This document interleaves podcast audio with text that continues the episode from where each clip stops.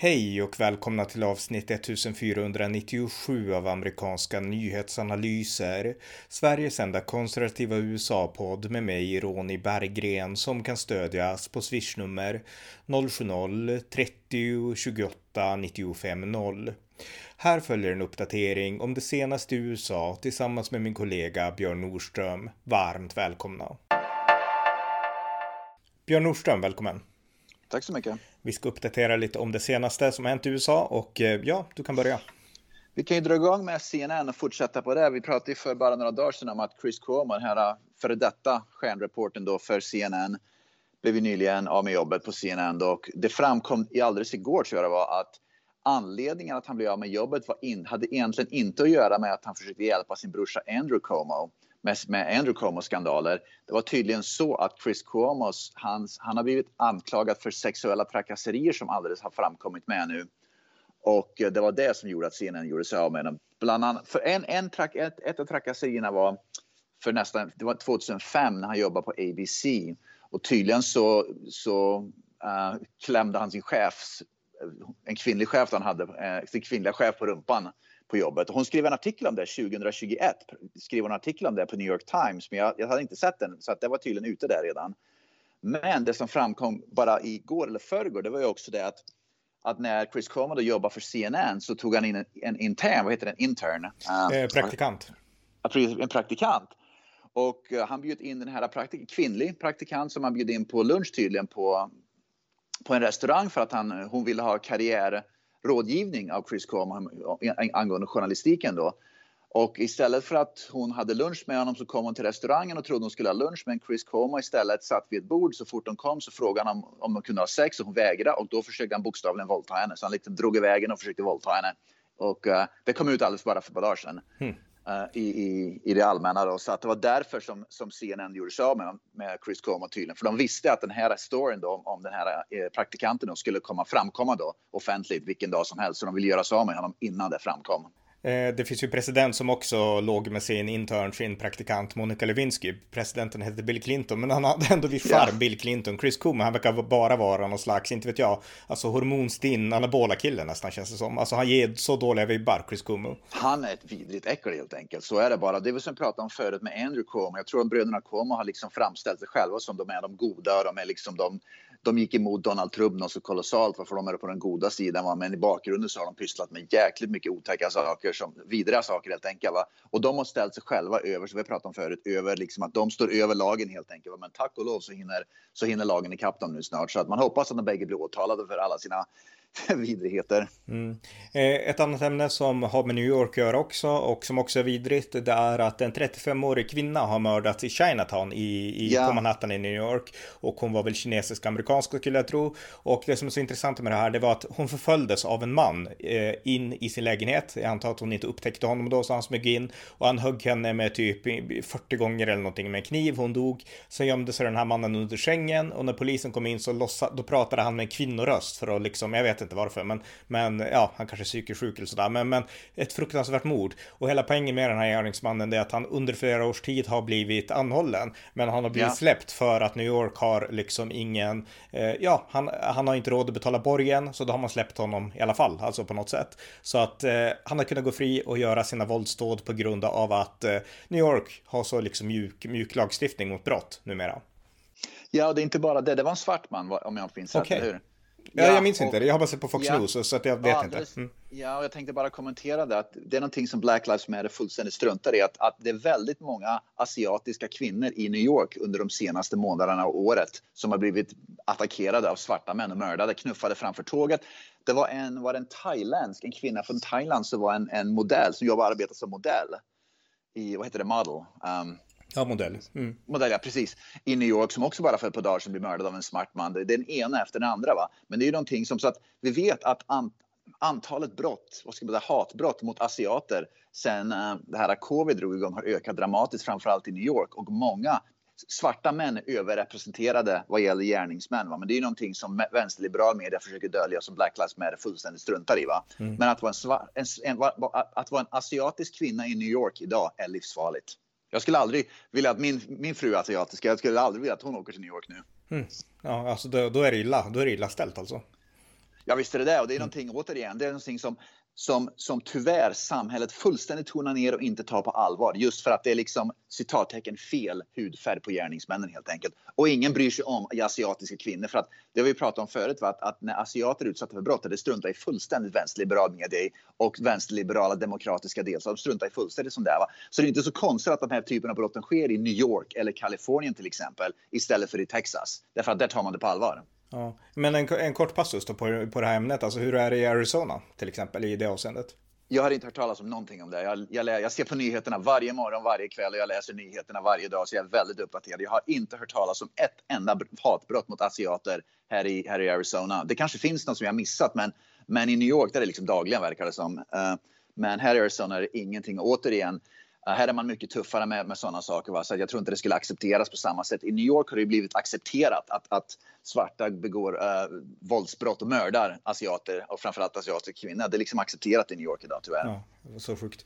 Ja, ja. Eh, nästa grej jag kan dra också det är att Nancy Pelosi av alla människor som hon är i Israel och nu ska jag säga något gott om henne. Hon lovordar Israel och hon säger att Israel är 1900-talets stora underverk. Att Israel kom till och att det kan existera och sådär och hon lovar att USA ska stå upp för Israel och se till att Iran aldrig får kärnvapen. Alltså hon var riktigt skarp där och jag som ändå hängt med ett tag i liksom Nancy Nancy Pelosi's karriär ganska lång tid ändå. Jag vet ju att hon är en Israelvän och det är lätt att glömma bort det för att hon är liksom left-wing i exakt alla frågor från extremvänster. Men just i Israelfrågan så vet jag att hon gillar Israel och eh, nu har hon talat i Knesset och eh, ja, de verkar gilla henne där.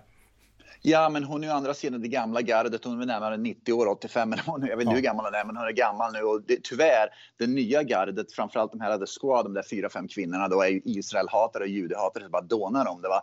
Så Nancy Pelosi, är det någonting hon, hon borde göra och har faktiskt makt att göra Eh, i det, i, det att arbeta inom det demokratiska partiet. Att antingen få bort det där, den här vänsterfalangen eller på något sätt få ordning på den. Va? Men få ordning på den tror jag inte kan få. Va?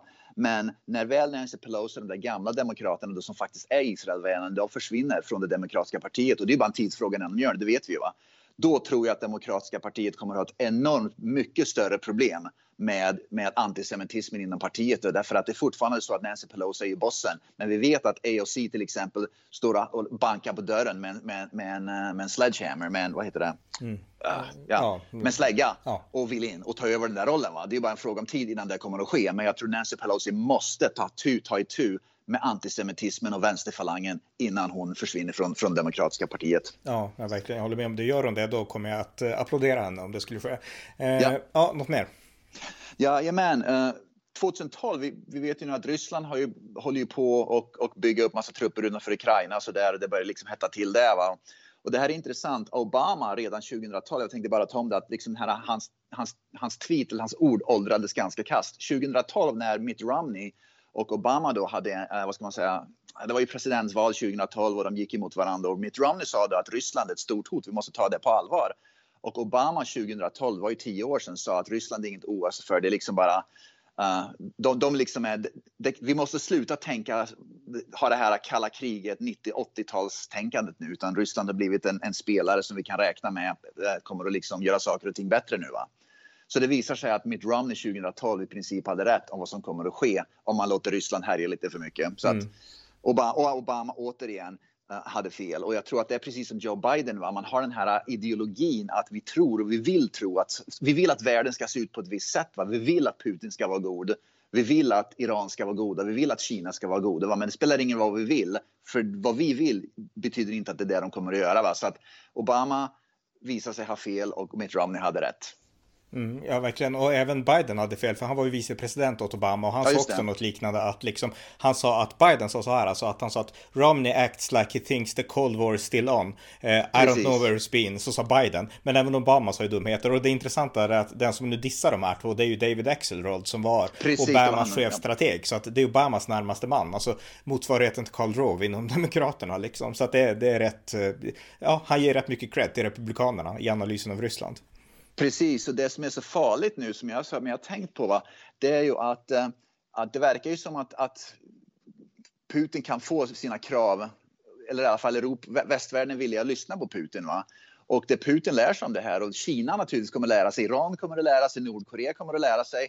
Med en svag Joe Biden, framförallt, för Biden har ju sagt att han kommer inte göra, i princip göra någonting. Va?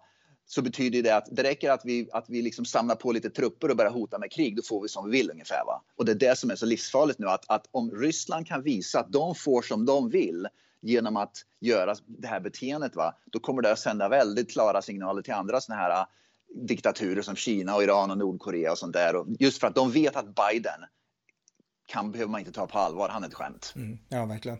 Han, han, han höll ett tal igår, Joe Biden, och det var ganska, han var ganska, han hade rätt tuff ton där mot Ryssland ändå och sa liksom att vi kommer, att vi håller dörren uppe för diplomati, men vi kommer ju liksom att bita hårt om Ryssland går in militärt i Ukraina. Så att, men prat är prat och eh, vi får se hur pass mycket liksom kraft bakom orden som Biden väl sätter när det väl, börjar hetta till. Så att, eh. Biden har ju också sagt att han inte tänker skicka några, att det blir inga marktrupper i, Ukraina eller någonting, mm. det blir inga soldater där. Va? Så att han sänder ju dubbla signaler och jag tror inte, Biden har ju inte gjort någonting som visar att han har någon tuffhet kvar. Så att jag, jag, Biden är bara dyngsnack. Va? Jag tror inte skvatt på det han säger. Nej.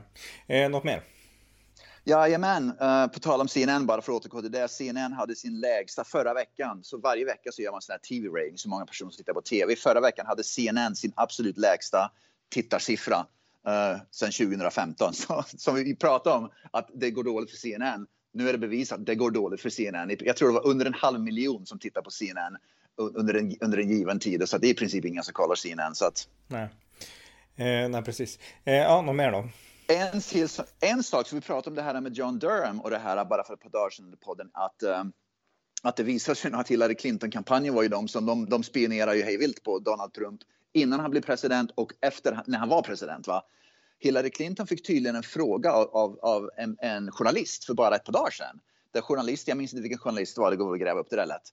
Men i alla fall, frågan var då som journalisten ställde, visste du om att, uh, att din kampanj eh, uh, spionerade på Donald Trump och, och Hillary Clinton vägrade svara på frågan. Och att vägra svara på frågan, det är ett svar i sig. För att hon, om man hade svarat ja, då, vet, då hade ju liksom hon, hon, vad ska man säga, erkänt att hon hade gjort det. Va? Svarar hon nej och det visar sig att det kommer fram, kommer bevis längre fram att hon ljög, ja då ljuger hon ju. Va? Så att hon vägrar svara på frågan, då vet vi svaret. Hon visste absolut säkert om att, Trump var, att de spionerar på Trump och att hon finansierar den. Ja, ja alltså, exakt, exakt. Alltså, det, här, det här är ju den stora nyheten som vi gjorde en specialpodd om just det här, men alltså, det har ju fortsatt uppdagas fler saker så att det här med liksom John Durhams, alltså Trump är ju frikänt, alltså det går inte att säga något annat anser jag, oh ja. utan han, det var lögner och eh, att det gick så långt upp i det demokratiska partiet är så absurt, men ja, så att vi får se vad som, vad som mer kommer fram om det. Ja, jag har inga fler punkter, hade du något mer? Ja, några stycken bara. Okay. Uh, jag tänkte också bara nämna att, att det, det ryktas nu om att det är fler som kommer att bli indicted av John Durham. Det, det, det är ett antal fler personer som kommer att bli åtalade för sånt där, dras in, dras inför domstol. Va? Så att det är ett namnet efter det andra kommer att komma fram, det tror jag. Så när det väl drar igång så, så tror jag att det kommer att komma fler namn. Så det här ska bli otroligt intressant. Så det här är inte sista gången vi pratar om det. Nej. Ja, jag ja. såg också att det här är bara en sak som visar hur människor som jobbar, som är republikaner och konservativa som jobbar i vänsterliberal media, de är inte eh, de känner sig inte bekväma att jobba för vänsterliberal media. Det finns en känd journalist som heter Michelle Tafoya. Hon jobbar för eh, uh, ABC, för ABC. Hon är sportjournalist för ABC. Och det här kom som nästan droppa ner som en liten bomb i, i, i, uh, i journalist och sportvärlden framför allt. Och att hon då är väldigt känd och populär då som, uh, som journalist inom sporten. Och hon i alla fall sa upp sig alldeles nyligen Eh, helt plötsligt. Va? Det var lite oväntat, men hon hade pratat om att hon ville se upp sig ett par år i alla fall. Hon är i alla fall nu gått ut öppen med att hon är republikan och hon vill helt enkelt gå in i politiken och, och, och hon ska ställa upp för att bli vad, eh, rådgivare för, hon är från Minnesota ursprungligen, för, eh, för en republikansk guvernör, kamp, vad heter det, guvernörkandidat för Minnesota. Och poängen med det hela var att om man är vänsterliberal så är det väldigt lätt att jobba i de här, även på sportkanalerna, för att då kan man gå ut och vara lite öppen med sånt där. Men hon har tydligen hemlighållit det väldigt länge. Va? Och hon var väldigt glad att hon, hon, hon gjorde det klargjorde att hon var väldigt glad att hon fram, att nu kan gå ut och, och liksom öppet förklara att hon är republikan och vill arbeta och stödja det republikanska partiet. Alltså det droppar ner lite som en bomb här i världen. Och det finns en, en journalist här i Arizona såg jag som alldeles också nu gick ut och så hon ska bli, eh, hon vill hon ska kampanja för att bli eh, politiker här i Arizona i alla fall för Republikanerna. Hon var tydligen en, en, en, en lokal journalist som, som var väldigt populär. Men hon hade också uttalat sig och sagt att när man jobbar i vänsterliberal media, då gäller det att hålla käften. Och det är min poäng. Va? Att, att republikaner, konservativa som jobbar i vänsterliberal media, de måste hålla truten. Och man måste bara infinna sig i ledet. Va? Och det visar ju intoleransen hos vänsterliberal media. Vi tolererar bara en, ett perspektiv, det är det demokratiska inom, inom. Så om du, om du inte är demokrat, då, då håller du truten helt enkelt. Det är som i Sverige ungefär va? Ja, och det, det gäller förmodligen också nu om sportjournalism, men sportvärlden ja. är väl likadan. För jag menar, de här ja, konservativa absolut. sportarna, de håller rätt tyst, medan vi har den här kvinnliga fotbollsspelaren, jag glömt hennes namn, Rapoin eller vad hon heter för någonting, som är... Ja, ex- Rapino, ja. ja. precis, exakt, som är extremvänster och hon har aldrig haft någon problem med att liksom spela fotboll samtidigt och sen säga något politiskt liksom. Ja, precis. Jag såg oss, vi hade pratat om det här, Inos Kente på tal om sporten. Han var då basketspelare för NBA, han spelade för Boston Celtics, han kritiserar Kina väldigt mycket och Kina äger ju eh, uh, NBA, den professionella basketligan här. Uh, och efter att han kritiserade Kina så stoppade Kina alla tv-sändningar för Boston Celtics. Han är i alla fall, den basketspelaren i alla fall, han blev, han blev bortbytt från Boston Celtics till ett annat lag och det andra laget vägrade ta emot honom så han, blev, han spelar inte basket längre. Med andra ord, NBA och lagen är så himla rädda för att ha något att göra med en spelare som kritiserar Kina. Därför att de är rädda för Kina helt enkelt. Va? Så poängen där det är att Kina äger NBA. Det var ju, vi pratade om det för LeBron James som är superstjärna då här i NBA. Han, är ju, han, har ju då, han kritiserar ju Donald Trump men han, han omfamnar ju Kina. Va?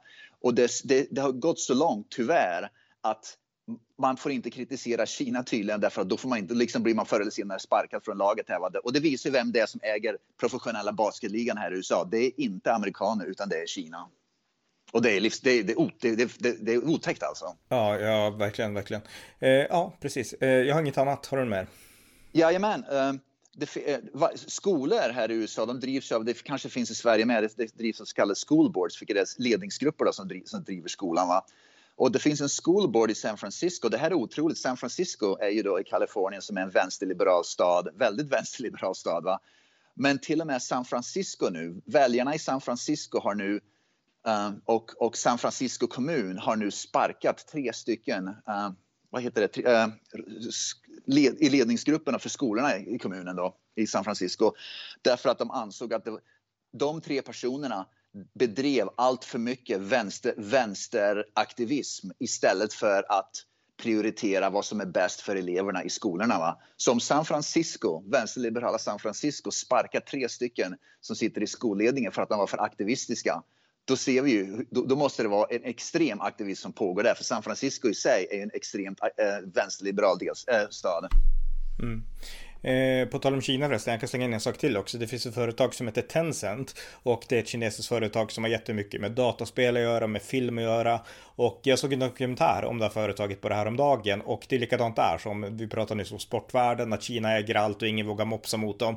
Men det är likadant i filmindustrin och spelindustrin börjar bli nu. Alltså Kina äger så mycket, har så mycket pengar investerade att eh, de kan få liksom filmer att censurera sig själva och spela och sådana saker. Så att det, alltså det är absurt hur liksom långa tentakler som Kina har ute i liksom med sina pengar.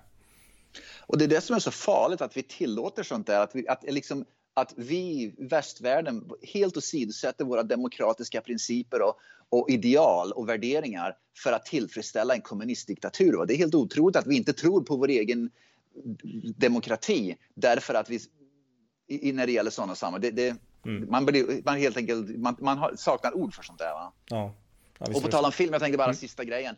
Vi nämnde ju då uh, Trump-hataren och han som var på Saturday Night Live och det där, uh, vad heter han, uh, Baldwin, Alec Baldwin. Ja, mm. Han är i alla fall ja, han, han som råkade skjuta ihjäl en person under, ett, ett, under en filminspelning, han är i alla fall stämd nu av familjen till den kvinnan som eh, att, att ha orsakat den kvinnans död. Så vi får se hur det går. Men poängen är väl det att, att eh, Trump-hataren, han, han, han har mycket trubbel nu i sitt liv.